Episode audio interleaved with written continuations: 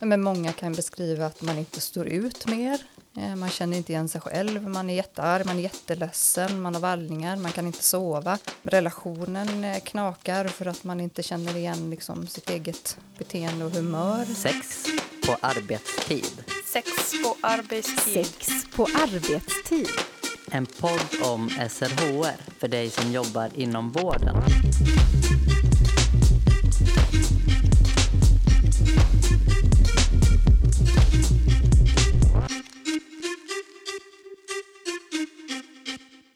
Se hur en tidigare behaglig och energisk kvinna under loppet av några år förvandlas till en slö men skarptungad karikatyr av sitt forna jag. Det är ett av de dystraste skådespel som finns. Det här var ett citat från en inflytelserik läkare som på 60-talet skrev en storsäljande bok om klimakteriet. Orden är en spegling av hur samhället länge sett på klimakteriet. 60 år senare är det fortfarande många som skäms och lider i det tysta av sina klimakteriebesvär. Det finns en jättestor okunskap kring något som hälften av oss någon gång kommer gå igenom. Så därför uppmärksammar vi idag, den 18 oktober, den internationella klimakteriedagen. Och med oss är Anna Wängborg som är barnmorska och enhetschef på gynekologimottagningen på Kungälvs sjukhus. Välkommen hit Anna! Tack! Jättekul att få vara här. Vi är jätteglada att ha dig här. Och jag heter Elin Klingvall och jag gör det här programmet tillsammans med min kollega Anna Skoglund. Anna, när jag tänker på klimakteriet så tänker jag ju på framförallt värmevallningar, ingen mens, torra slemhinnor. Är det ungefär så det är? Ja, det är ju vanliga eh, upplevelser man kan ha i sitt klimakterium. Eh, jag tänker på klimakteriet som mer en process, en tid som eh, man som eh, person går igenom. Hur lång tid kan den processen vara? Det är individuellt olika, men man pr pratar om att ett förklimakterium kan börja någon gång vid 40-45 och sen så att man kommer i klimakteriet i snitt i Sverige vid 52 års ålder Sen är det ju liksom olika hur länge man upplever symptom eller besvär eller eh, annorlunda upplevelser under den tiden. Du sa förklimakterie, vad innebär det? Alltså man går från att vara, ha regelbunden mens oftast eh, till att man kommer en period där hormonerna liksom svajar, östrogen och progesteron. Och då börjar en förändring ske i kroppen. Och det är individuellt hur man upplever den, om man ens märker av den. Eh, eller att man kan må dåligt. Om man märker av, vad brukar man, är det att man börjar få mer oregelbunden mens då? Eller vad, vad brukar man, hur brukar man märka av? Många ringer till oss på gynmottagningen för att de helt plötsligt har fått en oregelbunden mens. Och så tänker de att det är någonting som är fel. Och så kanske de är 44 år. Och då handlar mycket om att i ett samtal att eh, normalisera och ge en förklaring till att någon gång går man från eh, en, en, en ägglossning som sker varje månad och en regelbunden mensblödning som sker varje månad till att man har inte varje gång eh, en ägglossning eh, och en oregelbunden mens till följd av det. Så att mycket handlar ju det om att att man ska förstå att, att inte ha en 28 dagars cykel är början på en förändring som är normal, inget avvikande. Ibland så hör man att det heter klimakteriebesvär. Mm. Ibland pratar man om symptom. Vilka begrepp är gynnsamma att använda för att liksom beskriva den här perioden i livet? Men det är en jätteintressant fråga och en bra ingång för att många uttryck som används kanske inom hälso och sjukvården är att man talar om brist, eh, man talar om symptom, man pratar om klimakteriet som någon form av diagnos. Ehm, är det en diagnos? Alltså det kan ju vara ett, ett onormalt klimakterium kan vara en diagnos. Får man ett klimakterium före 45 års ålder så är det avvikande och någonting som ska behandlas. Och det är jätteviktigt. Det tänker jag att, man kan, att vi kan prata mer om. Eh, men ett normalt klimakterium med eh, besvär, symptom, upplevelser är ju ingen sjukdom eller en diagnos, utan det är ett, en normal del av kvinnans liv. Så jag tänker att hur vi använder begreppen tänker jag är viktigt i mötet med personer som är runt eller i klimakteriet så att man inte försjukligar eller skapar problem och oro som eh, är helt normalt. Sen är det också viktigt, för det handlar ju inte om att, att om någon upplever besvär eller symptom som är jättejobbigt och som man kan känna att man känner sig sjuk, så handlar det ju inte om att man inte ska få råd, stöd, hjälp och behandling om man behöver det, utan det är att man ska veta vad man förhåller sig till.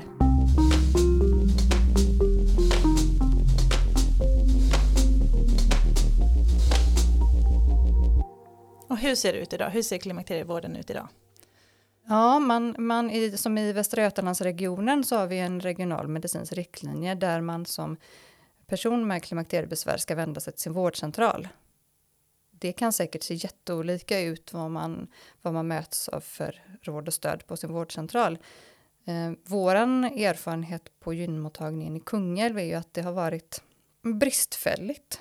Eh, så att många kvinnor inte vet vart de ska vända sig och ofta i lite desperation eh, hör av sig. Vad, vad är det för besvär som de känner då när de vänder sig till er i desperation?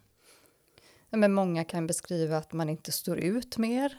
Eh, man känner inte igen sig själv, man är jättearg, man är jätteledsen, man har vallningar, man kan inte sova. Ehm, relationen eh, knakar för att man inte känner igen liksom, sitt eget beteende och humör. Ehm, man kan ha besvär med liksom, ja, men vallningar som typiska symptom eller sköra slemhinnor i underlivet som påverkar eh, samliv. Det kan, eller att, att menstruationen ändras, man helt plötsligt börjar blöda jättemycket, jätteofta eller glest. Mm, ja. Är det här vanligt att man har så här mycket besvär? Jag vet inte eh, nivån av hur vanligt det är med allvarliga besvär. Eh, det kan jag inte svara på, men, men det finns ju de som inte upplever några besvär. Och sen så kan det vara att man har jättemycket besvär, men man, man upplever inte det som jobbigt, utan man kanske har strategier att hantera det. Eh, så mycket handlar ju om kan handla om hur ens liv i övrigt ser ut och hur man är förberedd på den förändringen som blir. Man går från att vara Eh, reproduktiv till att hamna i ett klimakterium. Och vad finns det för stöd och hjälp att få? Eller rådgivning? Det ser ju olika ut beroende på var man bor. Och säkert också beroende på eh, den typen av vårdcentral man hör till och så. Eh, men jag kan ju svara utifrån hur vi jobbar. Ringer man till gynmottagningen Eh, på Kungens sjukhus med besvär av sitt klimakterium eller bara allmänna frågor kring sitt klimakterium så erbjuds man ett rådgivande samtal med eh, en barnmorska som är ungefär en timme där man går igenom livssituation, anamnes med eh, eventuella sjukdomar, mediciner man äter. Ehm, ja, en sammanfattning av, av ens livssituation och mående eh, kopplat till klimakteriet. Eh, och beroende på vad som kommer fram så kan det vara att man, att man får tydliga eh, förslag på kost, eh, träning, rökstopp eh, eller att man kan behöva hjälp med eh, östrogenbehandling. Och sen följer vi upp eh, med om det behövs ett gynekologbesök som är sällan. Men om till exempel det framkommer onormala blödningar eller så, så kopplas det alltid in ett, ett eh, gynekologiskt besök med ett vaginalt ultraljud. Eh, och så har vi uppföljande besök två till tre månader efter med oftast då ett, ja, telefon, en telefonuppföljning. Vad får ni för respons då? Eller har ni tittat på det? Vad, vad, vad, tycker era patienter? Det som jag får till mig från mina medarbetare är ju att de känner en tillfredsställelse i att kunna ge den tiden till den personen de möter. Och jag vet att många kvinnor upplever att, att de äntligen har fått liksom, lyfta problemet och få, få ut eh, mycket känslor och tankar och frågor som de har haft. Så det är ganska ofta det behövs liksom, eh, papper och torka tårar och så. Um, så att upplevelsen är att både medarbetare och um, de personerna som kommer är, är nöjda. Du pratar lite grann om, om kost och motion och sådär och det tänker jag man pratar väldigt mycket om just kost och motion och andra livsstilsfaktorer Mm. kopplat till klimakteriet. Mm. Kan du berätta lite mer om det? Eh, det, det har ju kommit eh, ganska nyligen resultat från Mats Hammar som är gynekolog och har jobbat med klimakterie i väldigt många år där de har släppt eh, fakta kring att, att kost, motion eh, och även akupunktur kan ha goda effekter för eh, klimakteriebesvär.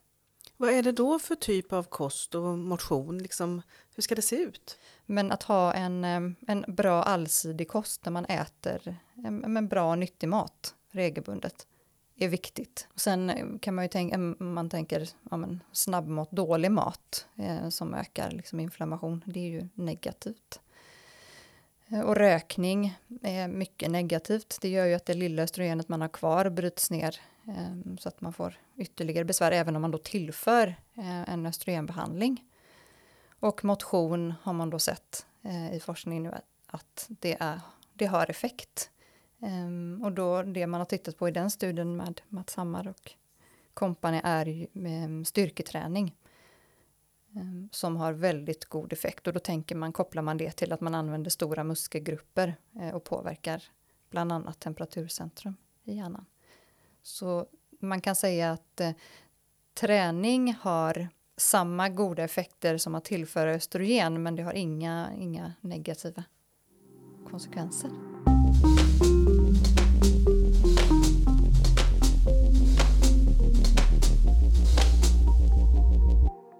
När det gäller hormonbehandling, eh, när ska man börja med det och hur länge kan man hålla på med det? Eh, hormonbehandling ska man påbörja innan man är 60 eller inom 10 år från sista mens. Då kan man säga att det har eh, mer för, det kan ha mer fördelar än vad det har nackdelar. Förut var det ju så att man sa att man inte skulle behandla mer än fem år för att ökade risk för olika saker. Eh, men det har man frångått och utgår ifrån att lägsta dos så kort tid som man behöver. Eh, men att Eh, det, det är inte förknippat med samma risker som man tidigare diskuterade. Eh, och är man dessutom under 45 och kommer in i ett klimakterium, eh, då ska man ha behandling för att annars är det ohälsosamt. Så det är någonting helt annat. Man måste särskilja på ett klimakterium innan 45. Då är det jätteviktigt att man får behandling med östrogen. Vad, kan, vad beror det på om man kommer i klimakteriet före 45? Det kan bero på att man har eh, haft någon sjukdom som man har behövt operera bort. Eh, livmoder, äggstockar, cancersjukdom. Eller att man eh, en prematur ovariell insufficiens där man inte då har en produktion från äggstockarna. Då är det ju någonting som avviker och då är det jätteviktigt att man behandlar det med östrogen.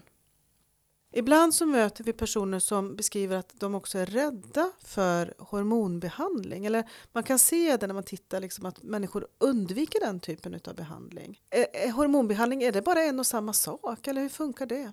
det finns en hormonrädsla i samhället, både eh, bland liksom medborgare och även inom hälso och sjukvården, för att det har funnits vissa studier som har visat på ökade risker. Det vi vet idag det är att, att det är farligare att vara överviktig och att inte ta hand om sig på andra sätt än att vad det är att tillföra MHT som vi kallar det då, menopausal hormonterapi. Eh, utan att det kan snarare ha vissa fördelar för andra saker. Eh, och här handlar det ju om att personal inom hälso och sjukvården måste läsa på eh, och hålla sig uppdaterad hur situationen ser ut. Och att, att plocka bort rädsla. Ibland handlar det också om, om hur, hur man mår. Eh, att gå runt och ha besvär och vara ledsen eller ha symptom som gör att man får en dålig livskvalitet kan ju medföra ännu mer besvär. Hur ser Eh, behandlingen ut då? Då finns det antingen regelrätt tablettbehandling eller som är ännu bättre att man använder plåster eh, eller spray eller gelé. Och sen när man använder eh, MHT, eh, att man, om man har livmoder kvar, att man kombinerar östrogen med eh, progesteron liknande preparat för att skydda livmoderslemhinnan så att man inte får cancer där. Plus att man ska vara uppmärksam om man får konstiga blödningar eller så vid behandling, att man alltid ska söka hälso och sjukvård. Och att man kontrollerar sina bröst med mammografi regelbundet. Sen har vi då behandling med det lokala östrogenet eh, som finns att köpa receptfritt på apoteket. Och där är det viktigt att man, att man behandlar eh, och fortsätter behandla. Om man har haft torra sköra slemhinnor och får god effekt av det lokala östrogenet, att man även fortsätter även när man märker att, att man mår bra för att tillföra, eh, för att ha skyddet kvar. Så det är ingen engångskur man kör då helt enkelt? Nej, utan den har man och ibland kanske man har den hela livet. Och då finns det ju dessutom många kvinnor eller kvinnor som har en, en som, det finns ju inte receptfritt, men som man kan få på recept på sin vårdcentral. En östring kallas det, eh, med ett vaginalt inlägg som sitter inne i tre månader som man byter. Alltså en ring man för upp då i slidan? Ja, precis. Som man antingen kan göra själv eller att man kan få hjälp eh, på sin vårdcentral eller gynmottagning. Hur ser det ut med klimakteriebesvär för, jag tänker på transkillar, transmän som har en liksom pågående testosteronbehandling? Jag är inte jätteinsatt i den här frågan och jag tror inte att det finns så mycket sammanställd evidens kring hur det ser ut. Eh, utan där är ju varje persons, tänker jag, upplevelse viktig att lyssna till. Eh, det man kan tänka kring och som är en ett vanligt problem är ju om man tillför stora mängder testosteron, att man får besvär med eh, sköra slemhinnor i underlivet, så att man får den typen av problem och kan då tillföra lokalt östrogen.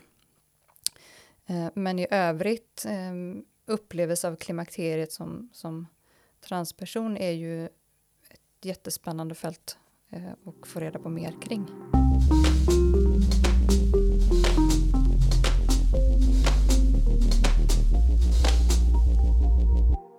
När vi pratar om sköra slemhinnor eh, i slidan så tänker jag att vi ska prata lite mer om den sexuella hälsan.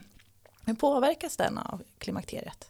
Egentligen är det svårt att säga, tänker jag, hur, hur klimakteriet påverkar den sexuella hälsan. För det är ju också väldigt individuellt.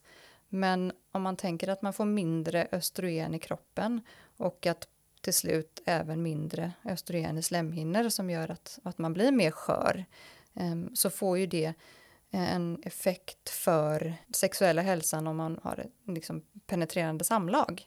Det är ju jätteindividuellt och utifrån varje individs upplevelse, erfarenheter och behov, tänker jag. Så det är ju jättesvårt att säga att så här är det. Men det är viktigt att uppmärksamma att om man, om man börjar få besvär från underlivet med sköra slemhinnor, att det gör ont eller man blöder eller att man är torr, så det är ingenting man ska stå ut med och tänka att om det här är okej, okay, så här ska jag ha det. Utan då måste man ju förhålla sig till det. Hur gör man då? Är det receptbelagt det där ifall man behöver ha någon lokal behandling i slidan? Nej, lokal lokalt östrogen finns att köpa receptfritt på apoteket. Sen finns det ju även andra produkter eh, utan eh, östrogen om man till exempel haft bröstcancer och inte kan ta lokalt östrogen.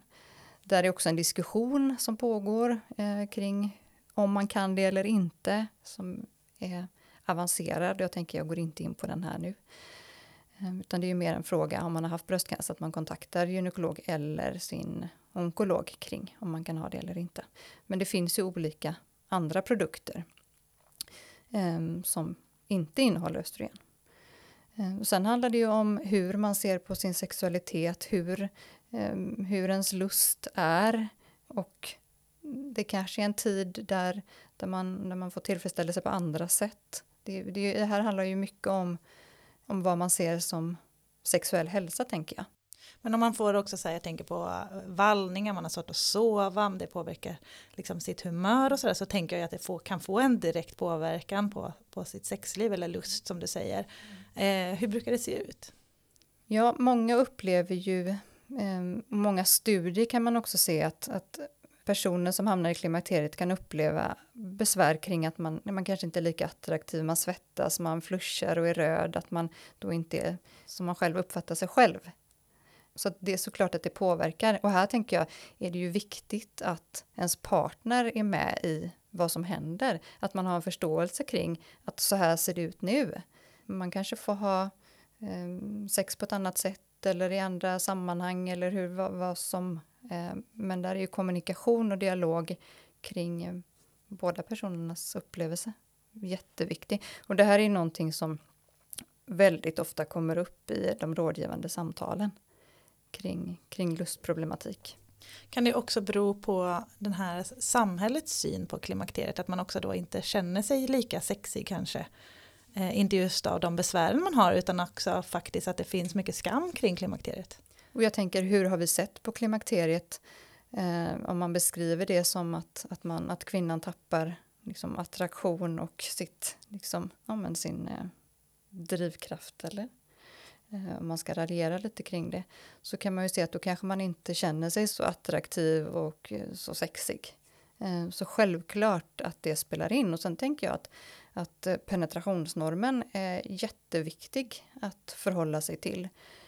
Ehm, för det skapar ju problem på många sätt. Eh, och om man tänker att det är det som är sex och lust och så, då kan det bli en, en stora problem i en relation, tänker jag. Kan ni jobba med de bitarna också? Att, att hjälpa er, de ni möter att hitta fler vägar i sin sexualitet med olika hjälpmedel och så vidare? Det är ju en stor del av eh, rådgivningen handlar om, om den sexuella hälsan och om lusten och hur man kan förhålla sig till sin sexualitet. Så det diskuteras mycket. Eh, vi har ju flera sexologer på, på mottagningen som, som jobbar med det. Så vilka råd kan man få då? Om man tänker då utifrån eh, penetrationsnormen eller att det ska vara eh, ett penetrerande samlag som är eh, sex, då tänker jag då måste vi backa ett steg och tänka, det, det, handlar inte om råd där vi ger kvinnor tips om att ta Xylocain för att bedöva sina besvär eller köpa glidmedel för att kunna genomföra ett penetrerande samlag, utan det handlar om att att upptäcka och utforska sin sexualitet. Och för många kanske det är första gången i deras sexuella liv som de ges den möjligheten. Så där tänker jag att kommunikation eh, och också att ens partner då får, får lära sig att det, fin det finns annat som är säkert oftast minst lika bra för en kvinna eh, vad gäller sexualitet och lust. Sen så menar jag inte att man inte, alltså att om någon känner att man vill ha penetrationssex, att det får man jättegärna ha. Men, eh, men våran ingång i det är inte att vi ska lösa eh, det problemet att skapa förutsättning för penetrationssex som, som norm, utan att det kan vara att man kommer fram till det, att det funkar jättebra så och så. Men att man hittar andra vägar till att utforska sin sexualitet helt enkelt.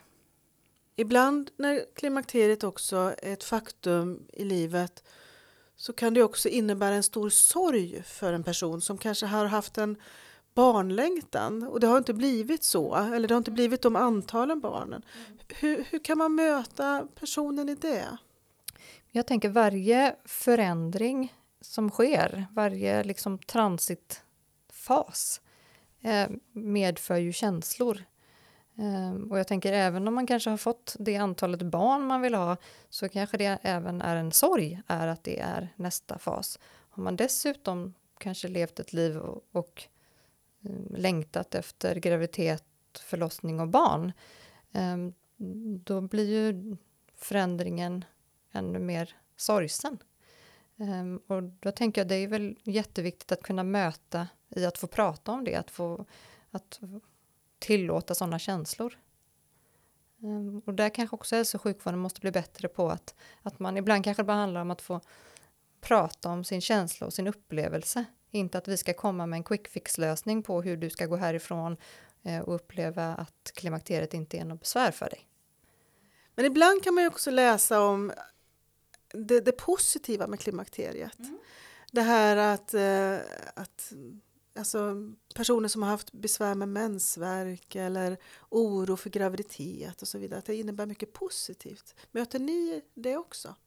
Jag kan nog säga att de, de som kommer till oss, de kanske inte förmedlar den bilden. Sen så vet jag att det finns i samtalen eh, och jag jag tror att många kan uppleva sig stärkta efteråt när man kan se, oh, men shit, nu det är en ny fas i livet där man kan släppa det. Precis, man behöver inte fundera över oro kring eh, graviditet. Eh, och att man, man kommer in i en ny fas i livet och det kan man ju också se att, att det är kulturella skillnader beroende på vilket samhälle man lever. Eh, det finns studier som visar på att kvinnor i Indien ser klimakteriet som, som någonting positivt, förväntansfullt, för att man man får en annan pondus i samhället helt enkelt.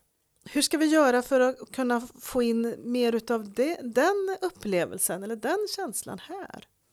Men jag, jag tänker att det handlar ju om, om hur vi pratar eh, om klimakteriet. Det handlar om vad vi använder för ord. Eh, och då tänker jag att hälso och sjukvården, att vi har ett ansvar i att lämna över frågan till de som äger den. Att det inte är vi som, som säger vad som är rätt och fel och vad man ska känna och uppleva också. Eh, att vi inte behöver prata om brist, brister och eh, att vi saknar någonting, att vi måste ersätta och så vidare, utan att man förhåller sig till ord på ett mer nyanserat sätt. Finns det människor som kan bli glada av att komma in i klimakteriet? Men självklart så finns det säkert jättemånga kvinnor som känner bara yes, äntligen, nu slipper jag månatlig blödning och alla sådana besvär. Ehm, och känna att man, ja, man kommer in i en annan fas i livet, man kan känna att ja, men jag kan känna mig rätt trygg och säker. Ehm, jag har erfarenhet. Jag behöver inte bry mig om vad andra tycker och tänker.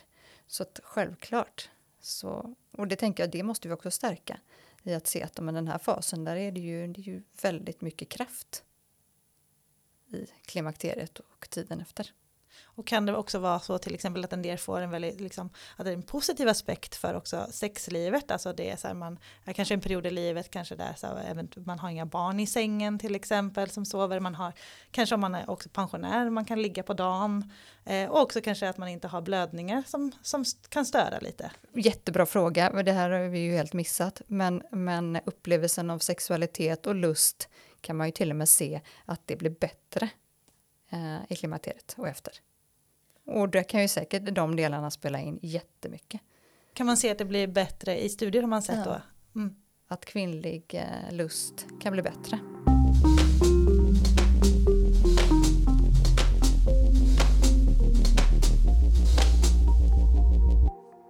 Så om du, om du får önska, vad skulle förändras i samhället när det gäller klimakteriet? Hur vi ser på klimakteriet? Jag, jag hoppas att vi kan komma till en, till en nivå där vi ser att en, att komma till klimakteriet är en, en normal del av min utveckling. Så vad behöver hälso och sjukvården göra i det? Men hälso och sjukvården behöver ju inse att eh, kvinnor besitter på, på kunskap kring frågan. Personer som upplever klimakteriet sitter på kunskap kring frågan. Um, och att, att hälso och sjukvården kan ju inte äga begreppet utifrån vad som ska upplevas och vad som är eh, saker som behöver behandlas eller inte, utan att vi fokuserar på, på personerna som, som går igenom klimakteriet. Eh, och jag hoppas att vi kan förhålla oss till det till en, en normal del av, av en persons utveckling. Ehm, och att när man kommer i ett klimakterie så ska man inte känna sig rädd och osäker vad ska man göra, utan att man ska veta att ja, men det, här, det här har hänt och det här sker. Um, och att man även kan, kan känna en viss eh, kraft i det. Men självklart att man heller inte ska behöva utstå symptom, besvär och saker som påverkar mitt liv negativt, utan då ska jag kunna få, få råd, stöd, information och behandling kring de besvären. Klimakteriet är inget nytt fenomen, ingen ny eh, upplevelse. Det, det, är en del av att vara människa med livmoder. Så hur har det sett ut? Jag tänker kopplat till vården, både globalt och, och om vi också tänker Sverige. Jag läste en um, artikel ganska nyligen där jag liksom fick som en tankeställare att fram typ till 1995 så tittade vi på på kvinnohälsa utifrån mödravård och att vi skulle få barn att överleva eller foster att överleva en graviditet och barn att överleva sitt första levnadsår. Sen så förde vi in millenniemålen och eh, började titta på kvinnohälsa som mödravård och fokuserade på den reproduktiva tiden. Men någon gång början 2010-tal så har man ändå fört in begreppet SRHR ur ett livscykelperspektiv. Även på FN-nivå. Så att jag tänker, vi har ju material att använda oss av för att, att utveckla eh, vården. Och där kan man se att Västra Götalandsregionen har antagit en SRHR-strategi. I Sverige kommer en nationell SRHR-plan. Så att nu, nu händer det grejer. Ja, det, det, är, det är underbart. Och regionens SRHR-strategi ligger dagligen bredvid mig på, på mitt kontor för att jag använder mig av den hela tiden och jag är så tacksam över att den äntligen har kommit till stånd. Och vad kan det innebära för eh, personer i klimakteriet? Jag tänker utifrån eh, rättighetsperspektivet, att vi som personal inom hälso och sjukvård är skyldighetsbärare. Att vi har ett ansvar eh, gentemot eh, de personerna vi möter utifrån ett SRHR-perspektiv. Och där kommer ju klimakteriet in som en, som en viktig del. Och kan det också vara att vi börjar titta mer på, på S, alltså den sexuella hälsan och de sexuella rättigheterna. Att vi, att vi har varit väldigt fokuserade på personens liksom reproduktiva tid.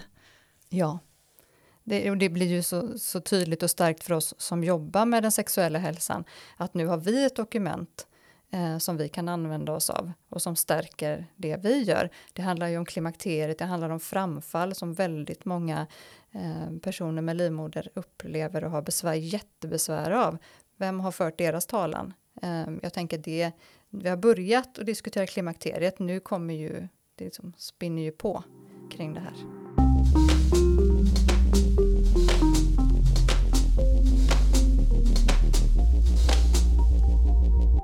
Vi brukar avsluta våra poddavsnitt med tre tips som vår gäst har med sig.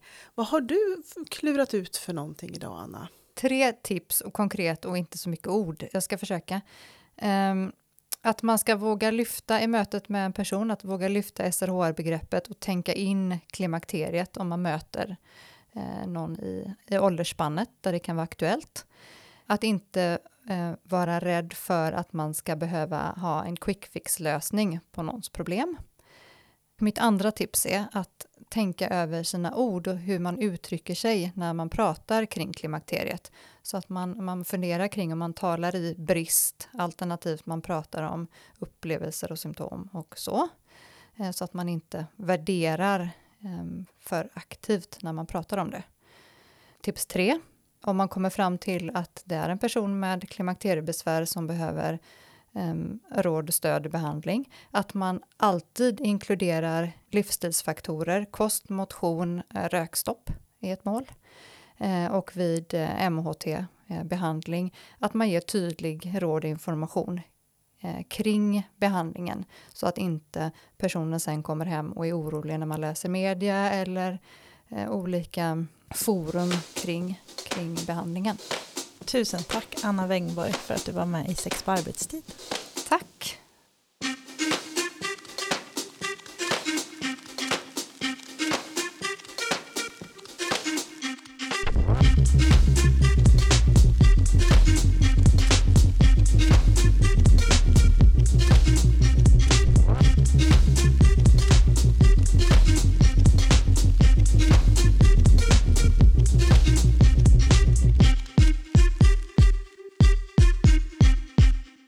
Har hört Sex på arbetstid, en podd av och med Jennifer C, Elin Klingvall och Anna Skoglund på Kunskapscentrum för sexuell hälsa, en del av Västra Götalandsregionen.